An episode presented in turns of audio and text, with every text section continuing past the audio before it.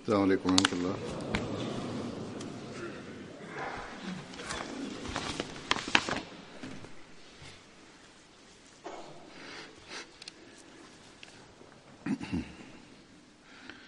أشهد أن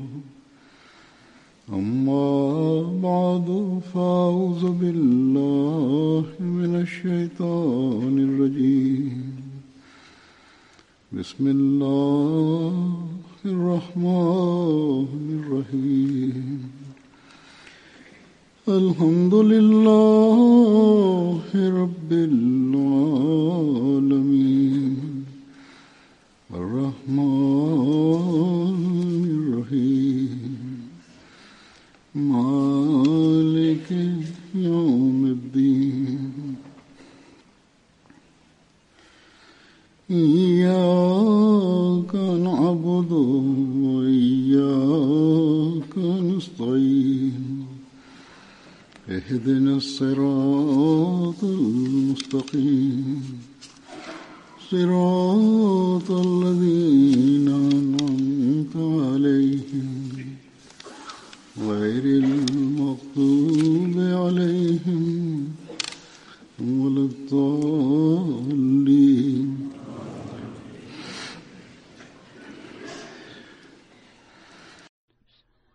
Bismillahirrahmanirrahim. Usur kaže da je Hazret obećana Mesija, ali i salam, u pogledu duhovne moći časnog poslanika, sallallahu alaihi rekao Ovo je moje vjerovanje da je časni poslanik, sallallahu alaihi da je njegova duhovna moć bila takva, da nijedan drugi, da nijednom drugom poslaniku nikada to nije bilo dato u svijetu. Ovo je tajna napretka Islama, da je časni poslanik, sallallahu alihi veselem, imao takvu moć privlačnosti, iz, izvan, izvanrednu moć privlačnosti. Zatim, u svom razgovoru, govor, tako je, to je ostavljalo toliko dojma da je svako koji ga je čuo, zavolio ga. On kaže, ljudi koji su, ko, koji, za koje on, ko, koji su imali privlačnost prema njemu, ovdje njih eh, o, o, o, privlačio i volio, oni su ga prihvatali i opisujući časnog poslanika koju je vrstu promijena napravio u svojim ashabima, obećano Mesija kaže, pogledajte na stanje ashaba, nema ni jednog koji je bio lažo, koji je lagao, dok je činjenica zapravo kad pogledate na ra, ranije stanje Arapa, mogu, možete ih vidjeti da su bili u dubokom, u duboko lošem stanju. I izjedali su i metak o siročadi i bili su vrlo hrabri i smijoni da čine sve vrste be, e, besmislenosti i, i, i loših stvari. Od glave do pete bili su potpuno uronjeni u nečistoću. Međutim, takvo, takvu veliku promjenu je časni poslanik napravi u ovim ljudima da se ne može vidjeti u drugim nacijama ništa ravno tome. I onda čudo, ovo čudo časnog poslanika sa je takvo da samo ovo je dovoljno da otvori oči svijeta. Obećani Mesija Ali Salam kaže da se popraviti osobu neku je vrlo teško. Jedna osoba. Popraviti jednu osobu je vrlo težak posao. Međutim, ovdje cijela nacija je bila stvorena i pripremljena da je njihova vjera i njihova odanost i predanost, u tome su pokazali takav primjer da su polagali svoje živote kao koze radi istine. I onaj koji, kojeg je oni slijedili, činjenica je da ovi svi, ljudi nisu ostali svjetovni ljudi. Zapravo, zbog učenja i upute koji im je dao časni poslanik, sallallahu veselim, i njegovog savjeta, oni su zapravo postali nebeski ljudi, odnosno pobožni ljudi. I išći istinski atributi i odlike su bili prisutni kod njih i ovo je takav primjer koji mi predstavljamo cijelom svijetu. I on kaže, ova reforma, ovo popravljanje i uputa, to je bilo kao rezultat predskazanja koje je Allah Đelešanuhu dao časnom poslaniku ime Muhammed. Jer je on hvaljen na zemlji, jer je ispunio zemlju mirom i dobrim moralom i dobrom pobožnošću. On je cijelu zemlju ispunio time. Čak sada vidimo da oni ljudi koji su pravedni ne mogu negirati ovu činjenicu da je časni poslanik sallallahu alihi sellem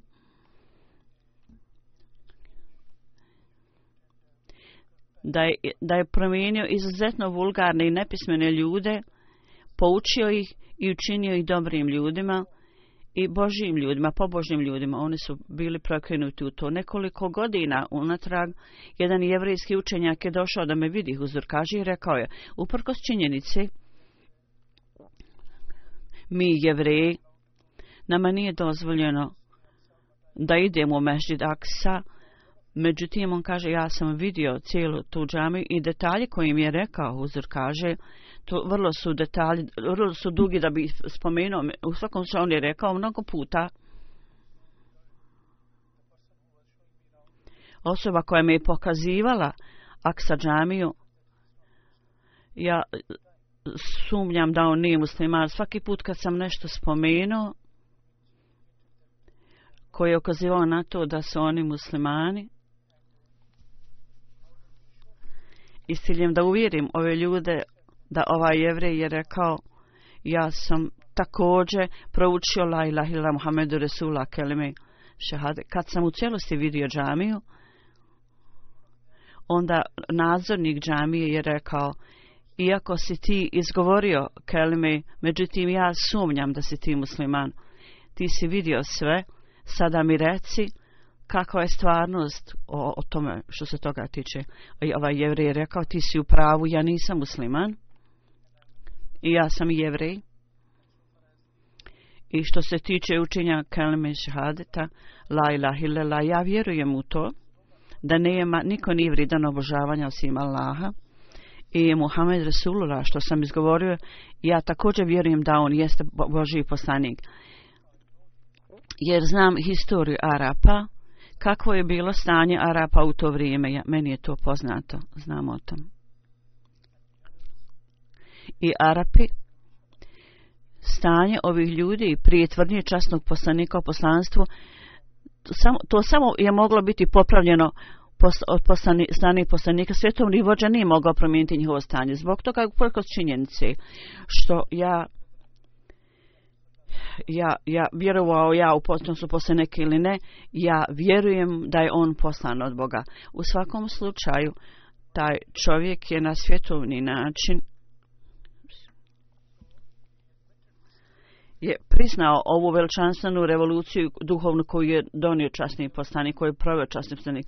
Čak i danas, kad ljudi vide sa pravednim okom, kad pravedno gledaju na to, onda vide da je časni poslanik napravio izvanredne promjene kod svojih ashaba i sljedbenika. I oni ne mogu, a da ne priznaju ovu stvar, da zasigurno je on bio Boži poslanik, da je on za, zaista bio Boži poslanik ashabi, u pogledu ashaba, u pogledu njihovog izvanrednog položaja, izvanrednih promjena, koji su među njima, kod njih stvoren obećana misija, ali i salam u jednom prilikom je rekao, pogledajte na primjere ashaba. Ashabi, zapravo njihovi primjeri su takvi, da su oni primjeri svih poslanika zapravo. I Allah voli njihov postupke ovih ljudi, jer ovi ljudi su polagali, položili, dali svoje živote kao ovce, njihov primjer je takav. Da, jedan, jednu vrstu obožavanja je ona dao i stvorio Hazreti Adem i tu je koncept poslanstva koji je išao, se, je trajao Hazreti Adema. I on kaže, ljudi nisu bili u stanju da razumiju. Međutim, ashabi su pokazali taj primjer na prelijep način. I oni su rečeni, re, rekli ovo je ono što se zove istinitost i rekli su u stanju uznemirenosti koji su oni porovili također se prime toga ne može vidjeti ovo je bila ovo su bili ljudi da je vrlo teško slijediti njih. Njegova srca su bila ispunjena uvjerenjem i vjerovanjem. I kad je, a kad je uverenje tu u osobi, onda postepeno, pri svega kad je vjerovanje prisutno, onda postepeno prvo oni ljudi budu naklonjeni da troše svoj metak i onda kad to se uveća, onda ljudi koji imaju ovo vjerovanje, onda postanu spremni da polože svoje živote. I onda, opisujući izvanrednost poslanika jednom prilikom, Hazret Obećana Mesija Ali Salam je rekao,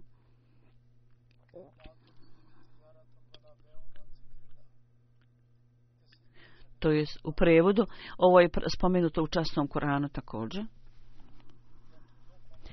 To jest, nijedna trgovina i nijedan posao ih nije učinilo da oni zaborave ljubav prema Allahu. I uvijek su spominjali Allaha. Samo ovaj jedan ajet je dovoljan da objasnimo položaj ashaba.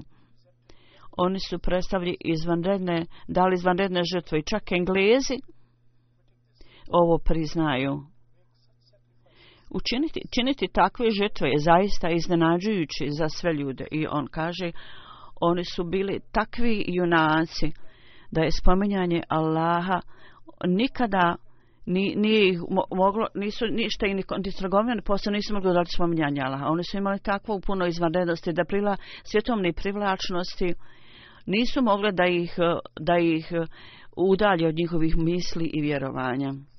I onda on kaže, zapamtite, da savršeni ljudi i Allahovi robovi su oni o, kom, o kojima Allah kaže. To jest u prevodu. Kad srca imaju blisku vezu sa Allahom i po, imaju ljubav prema Allahom oni se onda ne udaljuju.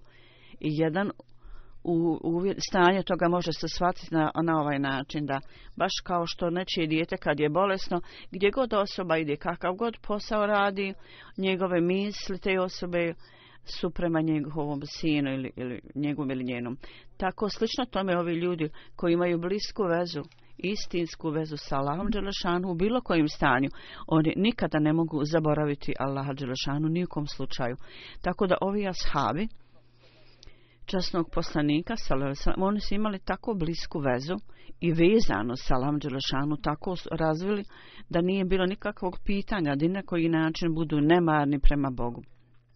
Ili da, da se uzdrže od, od, od, od bilo kakvih žrtava. Jako je mnogo primjera toga. Hazreti Humam radi Allahu Anhu. U pogledu njega je spomenuto da kad je došlo, došlo vrijeme njegove smrti, on je pokazao toliko straha od Allaha da je donio svoj onaj mrtvački sanduk i, i također ono što se umota mrtvac čefine i rekao ovo je dobra odjeća. Hoćeš ti mi dati? To je mnogo jako mnogo ovih čefina i poče plakati. I uh, časni poslanikov je ovaj, neki rodbina imao samo jedan čašav da, bu, da ga umotaju. I onda kad su zamotali, kad su zamotali noge, bile su, bila je gola glava, kad su zamotali glavu, bile gol, su gole noge. Onda je časni poslanik, onda su stavili malo travi na njegova stope prekriju.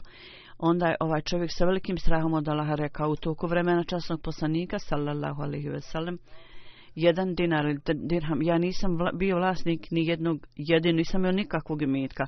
A sada, zbog blagoslova časnog poslanika, sam zbog blagoslova Allahovog i Allah Đelšanhu je primio ove žrtve, Allah mi je dao toliko imetka da ima kutija u čošku moje kuće i 40.000 drahmi je u, u njoj. Allah mi je dao toliko mnogo da se ja bojim kao da, kao, kao da nam je Allah dao svu nagradu na ovom svijetu i na budućem svijetu da će nagrada e, koja će nagrada biti tamo data i možda budemo lišeni te nagrade na Ahiretu i u zadnjoj bolesti kroz koju je prošao i kad je jedan ashab došao da pita o, o njegovom zdravlju i rekao mu i uvjerio ga i utješio ga i rekao mu ti ćeš ako Bog da se sresti sa ashabima, on je počeo plakati, ovaj čovjek je počeo plakati, također rekao, nemoj misliti da ja plačem zbog straha od smrti. Ja plačem da ashabi koji se spomenuo da je njihov položaj jako visok, hoće li meni biti dozvoljeno da ih ja zovem braćom? I rekao, ljudi koji su prije nas umrli, otišli, njihov svjetovni imetak od kojeg se mi koristimo nisu bili u stanju da se koriste od tog imetka. I položaj straha od Allaha je bio toliki da je on sebe smatrao vrlo slabim i vrlo poniznim. I strah od Allaha je bio to i ta briga da poslije smrti ako Allah, hoće li Allah Đelešanhu biti zadovoljan s tim ili ne. Tako da njegova dova je uvijek bila da Allah bude zadovoljan s molim Allaha o tome. Njegovo žrtovanje i služenje religiju nisu bili ništa manji od bilo koga drugog. Hazreti Ali radi Allahu anhu, on je vodio, predvodio dženaz Hazreti Hovab i kad Hazreti, Hazreti Ali bio halifa, predvodio njegovu dženazu i spomenuo, spomenuo njegov, njegove neke stvari vrijedne hvale o ovom čovjeku. I iz samih ovih riječi možemo razumjeti položaj Hazreti Hubaba. I on je rekao, Hazreti Ali je rekao da Allah Đelšanhu ima milosti prema njemu. On je s velikom predanošću i privlačnostu prihvatio islam i onda je imao čas da se iseli i život koji je poroveo bio je život muđahida, Allahovog sluge i roba. oni su bili strašni i za, e, za prepa, e, zastrašujući. Bili su vrlo strašni situacijama, on je morao poručiti kroz to ne pokazao primjer strpljenja. Hazreti Ali je rekao Allah Đelešanuhu ne da da se izgube nagrade ovakvih ljudi koji čini dobra dijela, i položaj Hazreti Hubaba u očima Hazreti Omera je bio prelijep. Pogledajte na ovo. Jedan put je Hazreti Omer pozvao Hazreti Hubaba i tražio od njega da sjedne i rekao je Hubab ti si vrijedan da možeš sjediti sa mnom na ovom sjedalu. Ja ne mislim da osim Bilala da ima bilo ko još da sjedi sa mnom na ovom sjedalu o, da Hazreti Bilal u ranom periodu Islama je prihvatio Islam i podnio jako mnogo patnji. Hazreti Hubabi je rekao o Amirul Mu'minin, vođo, vođo vjernika, zaista je Bilal vrijedan, vrijedan toga. Međutim, činjenica je da s ciljem bilo je ljudi koji su mogli spasiti Bilala od eh, idolopoklonika i nekoga je kupio kao roba i, po, i oslobodio ga. Međutim, u ovom slučaju nije bilo nije bilo takve osobe koja me je mogla spasiti od ovih mučenja. Jedan dan, ja se sjećam, jedan nevjernik me je uhvatio i stavio me na vatru. I jedan vrlo nepravedna jedna, jedna osoba je stavio svoja stopala na moja prsa i za mene nije bilo moguće da izbjegnem iz te situacije od vatre.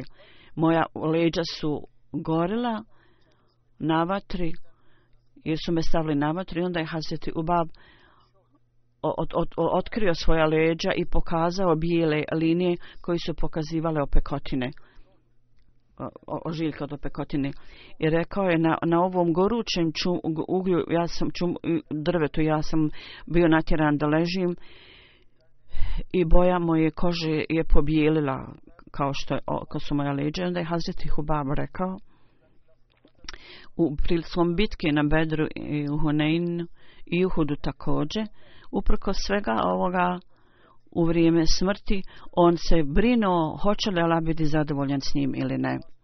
I onda na vas bin Džabel, u pogledu njega je spomenuto i rečeno da je on obavljao tahadžud namaz i dug vremena činio ibadet i tahadžud namaz, ovi ljudi koji su bili blizu njemu, bliz, oni spominju da je on govorio Allahu, o moj gospodaru, svi ljudi su slijep, njihove oči su zatvorene, o moj Allahu, ti si živ i ti održavaš sve. Ja molim tebe da mi dadneš džennet, ali ja sam malo lijen u tome. U postupcima sam malo lijen, on je rekao. I slab sam u tome da bježim od vatre i jako sam slab u tom. I ja znam da ima vatra džehennema i jako je mnogo dobrih stvari koje moram obaviti, treba da ovaj omeći, međutim ja sam vrlo slab da se uzdržim od ovih slabosti. O moj Allahu, ti mi up, podaj uputu od sebe i daj mi takvu uputu koja će ostati sa mnom na, na sudnjem danu kada nećeš prekvršiti svoje, raditi protiv svojih obećanja i špekeš svoje obećanja. I na lavom putu on je puno trošio i zbog njegovih troškova ponekad je bio zadužen, zadužio se. Kabin bin Malik, njegov sin, u pogledu Hazreti Moaza on kaže Al, Allahov tretman prema Moazu je bio, bio vrlo neobičan.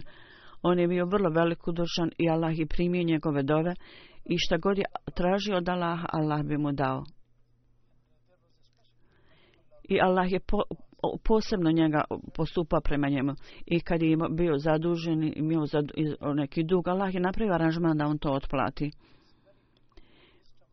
i on je imao posebnu mudrost. I Allah mu je dao razum, veliko razumijevanje, duboko razumijevanje. Ovi ashabi, ljubav ovih ashaba prema Allahu Đelešanuhu i prema časnom poslaniku i njega su jako voljeli. I ljubav prema častnom poslaniku i zbog te ljubavi oni su voljeli Allaha Đelešanuhu je njegova, je njegova moć časnog poslanika da očisti, to je stvorilo e, mogućnost da u njihovim srcima se streljuju prema Allahu. Spomenuto je da je časni poslanik, sallallahu alaihi ve njegova duhovna moć je stvorila u njima ovu promjenu. Inače, ove priče o ljubavi i naklonosti nemoguće je imati ljubav koju su one imali prema Allah također je bila takva koja joj nema ravnog. Kao što je Bačan Misali Selam spomenuo, Azeti Šemaz, Šemaz bin Osman, je zabilježio jedan događaj koji je postao primjer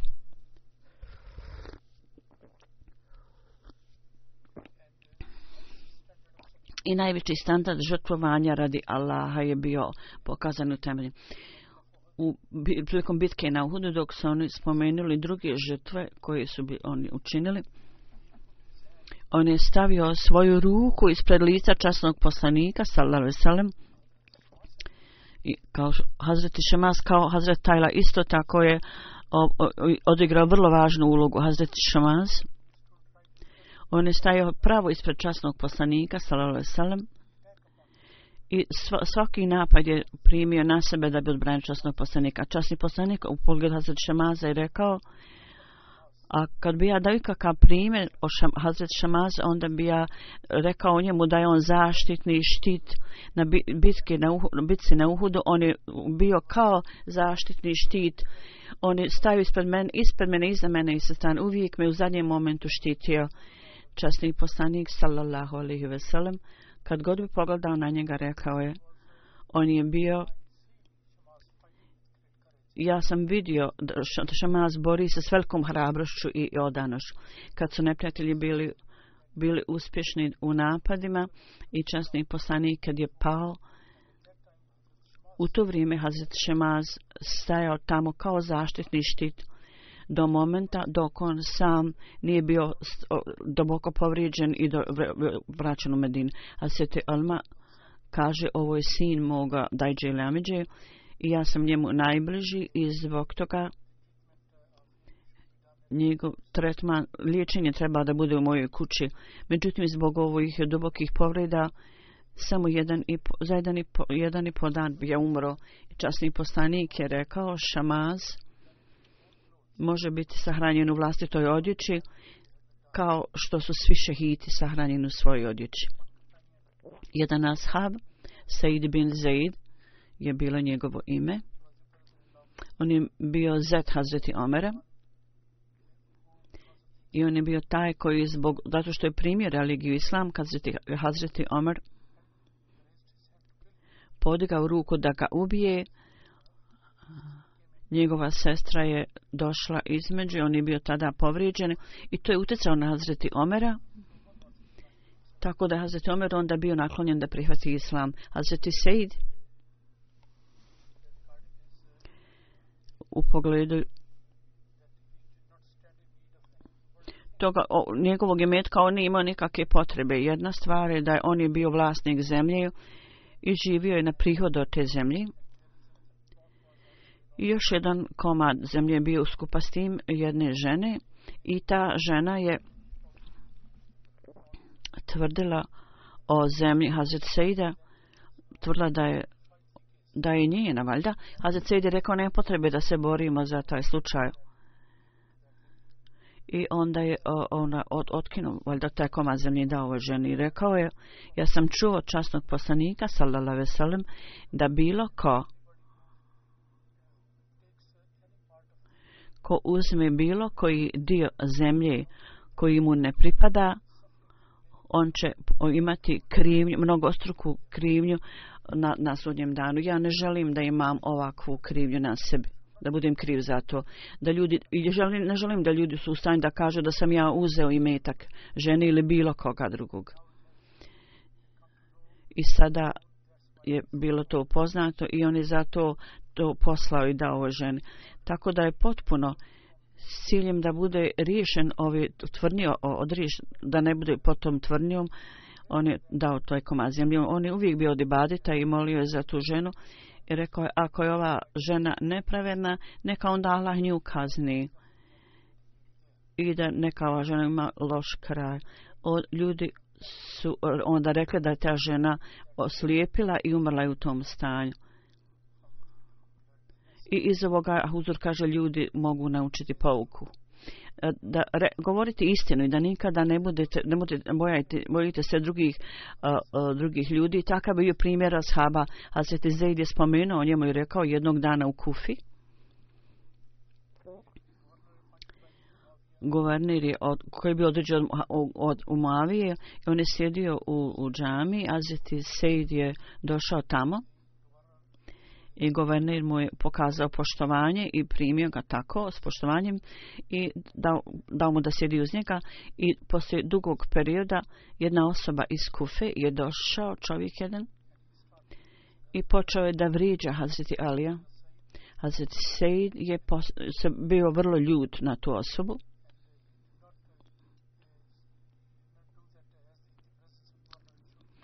On nije to uradio u prisustvu guvernera, šutio, međutim govorio i rekao, ja sam čuo od časnog poslanika da je Omer Hazreti Ali Vakar Osman, Huzur Talha Sad, Abdurrahman bin Auf i Hazreti Ali, da će biti u džennetu svi. I, i ima još jedan deseti, deseta osoba, neću izgovoriti ime. Kad su ga pitali, I kad su ga insistirali, onda je rekao deseti je, deseti je Sejd bin Zaid. Ima jedan hadis koji je on iznio, koji kaže da najveći interes kamata je najgora stvar i to je napad na muslimana. I to je ono što su danas muslimani zaboravili, nažalost sa na, na najvećem nivou do, do najmanjih stvari i na, do najmanjih stvarima vidimo da muslimani napadaju čast drugih muslimana za vlastitu korist. I onda jedan ashab, Hazreti Suaib,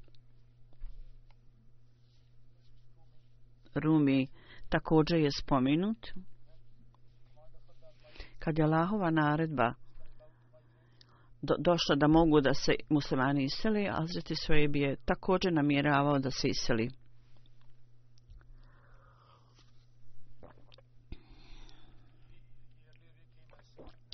On je ranije došao, na, bio, bio sluga, kasnije napredovao. i započeo je svoj posao, neki posao i pošao, postao i meta, i, i i bio ja imao se koja veliko imestvo, kad je bilo vrijeme da se iseli, onda su ljudi Meke rekli, ti si došao kao siromašni sluga u ovu oblast i novac koji, su, koji si ovdje za, zaradio, nećemo ti dozvoliti da taj novac sa sobom odneseš kad iseliš. On je rekao, dobro, ja ću ovdje ostaviti svoj metak. Hoćete mi onda dozvoliti da odem ako ostavim novac? U svakom slučaju, pola svog imetka on je ostavio ljudima i onda se iselio. I kad je putovao u Medinu, neki ljudi Kurešije su ga slijedili i Suab je bio vrlo hrabra, odvažna osoba i bio je vrlo dobar strelac i bio je stručan u tom. Kad je pogledao na nevjernike, on je e, rasprostruo sve svoje strele napod i ljudi koji su gledali rekli su o Korešija vi znate, rekao Korešija vi znate da sam ja bolji strelac od vas i prije nego što ispalim zadnju strelu vi ne možete mene stići. Poslije toga moja sablja je ovdje mamače mač je ovdje ja ću se s vama onda sa, sa tim boriti. Zato mi dozvolite da odem u mir. Ostatak novaca koji sam ostavio određenim vrećama možete to uzeti. Dakle, s velikom mudrošću i, i žrtovaj svoj metak, tako je zaštitio sebe i svoju djecu i stigao u Medinu bezbjedno. Had Suab, kad je došao časnom poslaniku, salala se mi spomenuo je kako je potrošio sav svoj metak, zaštitio je svoju život i svoju vjeru i sada je tu. Časni poslanik je na to rekao, ti nisi ura, napravio pogodbu gubitka. Ti je dobar, dobar nagled koji si napravio. Svaki asab ima jedan jedinstven stil.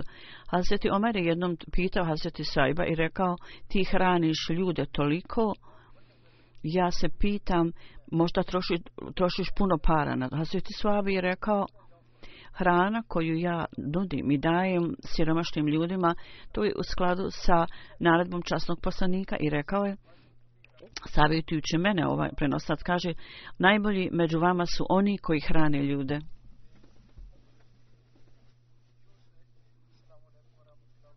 I prikladno koriste obelato šire praksu nazivanja selamu počivanje selama selam aleikum to je dobro i ovo je stanje dobrih ljudi. I on kaže ova, ovaj savjet koji sam ja naučio od časnog poslanika, sallallahu alaihi ve sellem, ja sam vrlo čvrsto se držao ovog savjeta i prihvatio sam u tom slučaju nisam trošio novac ako nije u potpunosti bilo opravdano. Položaj Hazreti Suajba u, u očima Hazreti Omer je bio veliki. Hazreti Omer radi Allahu anhu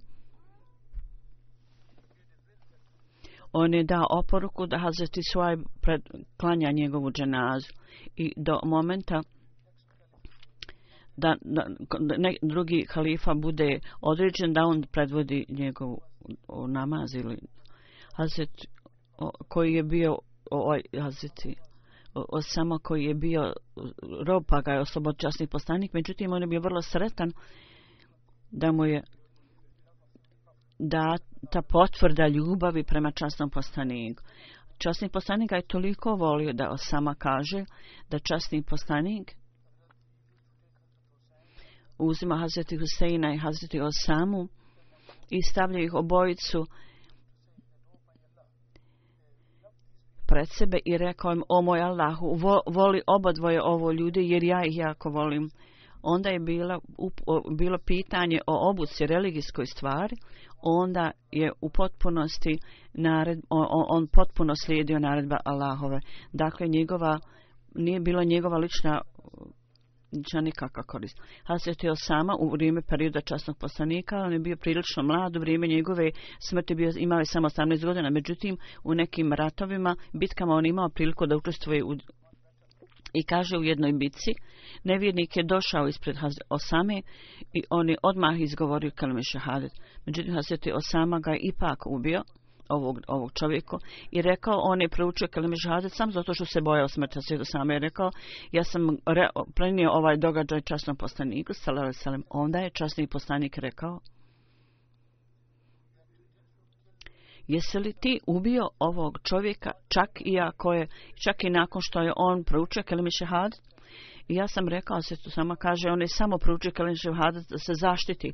Časni poslanik je rekao, jesi li ti otvorio njegovo srce da vidiš i, i da kažeš, je, ka, jesi li ga ubio nakon što je izgovorio kalimi šehadete, da sama je rekao da i časni poslanik je toliko, sama je bio toliko ljud, da se sama kaže, ja sam poželio da do tog dana nisam primio sama. Pa se te sama kaže sada, ja sam čvrsto riješio da u buduće, gdje go, kad god osoba izgovori šehadet, ja nikada neću ubiti tu osobu. Ja bi Huzur kaže bilo bi da, da samo muslimani razumiju ovu stvar danas u ime islama, oni čine nepravdu drugim ljudima, pre nevjernicima i mus, muslimani ubiju čak svoju muslimansku braću. Sada rat u Siriji, spomenuto je zadnjih nekoliko godina, od kad je počeo rat, stotine i hiljade, za hiljadama na hiljade ljudi su ubijeni od strane muslimana ovi ljudi koji sami izgovaraju žehadet, oni ubijaju druge ljude koji također izgovaraju kelime žehadet ili u ime tog kelime žehadeta. U Jemenu ljudi koji uče kelime žehadet su ubijeni i, i druge, druga mučenja su im nametnuta, oni su podvrnuti raznim mučenjima. Da la dadne mudrost ovim muslimanima, vjernicima, da ne uzdižu samo jednostavno slogane o svojoj ljubavi prema časnom poslaniku, nego da postupaju u skladu sa prema njegovom plemenitom primjeru. Međutim, činjenica je da ovi ljudi u ime Islama nastoji da zadovolje svoj sebični ego. I, i ne, ne znaju ABC o Islamu. I s ciljem da utemelje svoju superiornost, to je njihov cilj, samo da bi utemeljili svoju nadmoćnost. Jezikom oni izgovaraju ime Allahovo, međutim u svom srcu je samo sebič, njihov sebični ego. U svijetu, u ovo vrijeme, Allah Đalešanuhu s ciljem da stvori istinsku bogobojaznost, Allah je poslabačanom i svi ali salama gledajući na stanjevi muslimana, oni ne mogu biti popravljeni ukoliko dok ne vjeruju u obočanom meselisanama. Mi treba da budemo zahvalni gledajući na njihovo loše stanje i moramo uvećati svoja osjećanja zahvalnosti prema Allahu Đelešanuhu. Da nas je osposobio da vjerujemo u tog vođu upućivača koji je Allah poslao u vrijeme kao istinskog roba i slug časnog poslanika sallallahu alaihi veselam i on nam je rekao i o velikim izvanrednostima i položaj ovih ashaba i traži od nas da slijedimo te plemenite primjere. I rekao nam je da primjeri as, ashaba, kako su, da su to predivni primjeri i treba da ih posvojimo i da ih slijedimo. Tako, ovo je način i put, ako budemo to imali ispred sebe, i, raz, i ako razumijemo njegove savjete, onda možemo postati istinski muslimani. Na jedno mjesto on kaže, činjenica je da ukoliko osoba se ne udalji od svog sebičnog ega i želja i radi Allaha, on onda nije ništa, on zapravo ide u gubitak. Međutim, kad sve želje i ciljevi potpo, u svojim ciljima želja potpuno udaljen od toga i postane prazni ruku i čočisti svoje srce, on ide Allahu, Allah mu onda daje. Allah je uvijek tu da mu pomogne. Međutim, uvjet je da osoba mora biti spremna da umre. I mora biti spreman čovjek da žrtvuje i svoju čast i sve radi Allaha. I on kaže, ovaj svijet je privremen. Međutim, ukus toga, užitak svijeta osjećaju samo ljudi i udaljuju se od tog ukusa samo ljudi koji su bliski, bliski Allahu. Mi, o, treba da živimo svoje živote kao ashabi. Kad napustimo ovaj svijet, Allah nam daje onda više. Ovi ljudi su bili, uvijek se brinuli o svojoj budućnosti i o svom dobrom kraju. I potpuno se bili izgubljeni u ljubavi prema Allahu. I on kaže, osoba koja je vrlo bliza Allah Đelešanu, onda u ovom svijetu Allah proširi njegovu popularnost i, i ugled i ovo je stvar za koju svjetovni ljudi čine jako mnogo stvari da dobiju neku titulu ili da možda budu postavljeni na neko mjesto koje je poštovano i uvaženo i da njihovo ime bude zapisano među ovim ljudima. Tako da sva čast bude data onim ljudima i svako, do, svako srce dobije prihvatanje koje napusti sve radi Allaha Đelšanhu i postane spreman da napusti ove sve stvari. Ne samo spreman da, da, po, da dozvoj, nego zapravo da kao tako uradi. Svi ovi ljudi koji sve napuste radi Allaha, njima bude dato sve.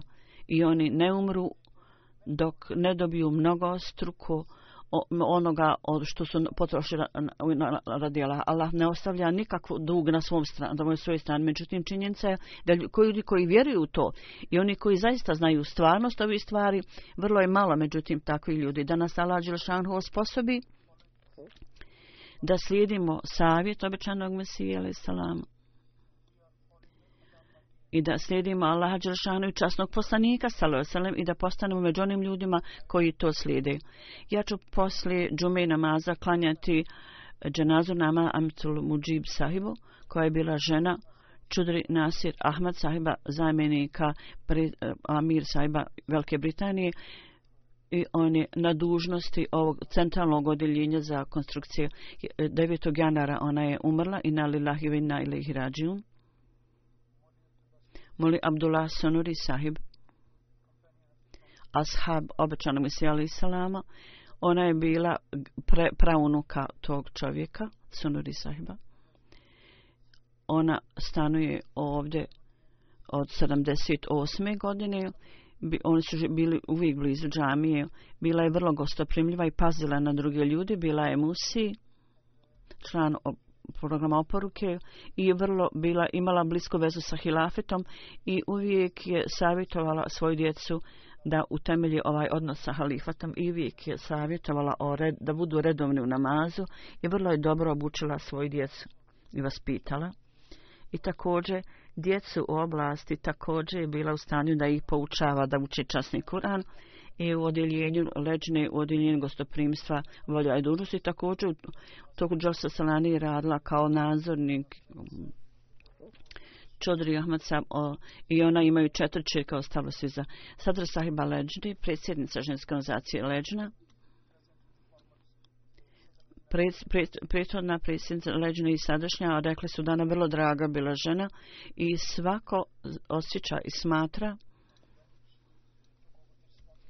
da kad bi on kad je preuzela dužnost eh, da da nadgleda eh, u odjeljenju gostoprimstva ona je vrlo ozbiljno ispunila svoju dužnost i vrlo je skromno vrlo skromna bila. Da Allah uzdigne položaj umrliju i da sve dobre odlike nastavi njeni potomci kao što sam rekao posle džume namaza ja ću klanjati dženazu namaz i ja ću izaći napolje i molim vas vi ostanite ovdje u džami.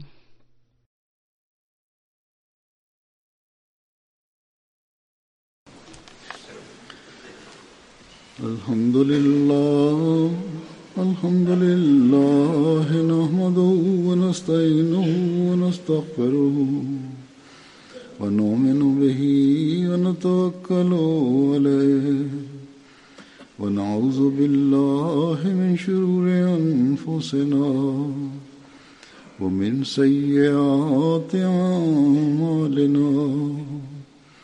من يهده الله فلا مضل له ومن يضلل فلا هادي له. ونشهد أن لا إله إلا الله ونشهد أن محمدا عبده ورسوله. عباد الله رحمكم الله. إن الله يأمر بالعدل واللسان وإيتاء ذي القربى وينهى عن الفحشاء والمنكر والبغي يعظكم لعلكم تذكرون. اذكروا الله يذكركم وادعوه يستجب لكم ولذكر الله أكبر.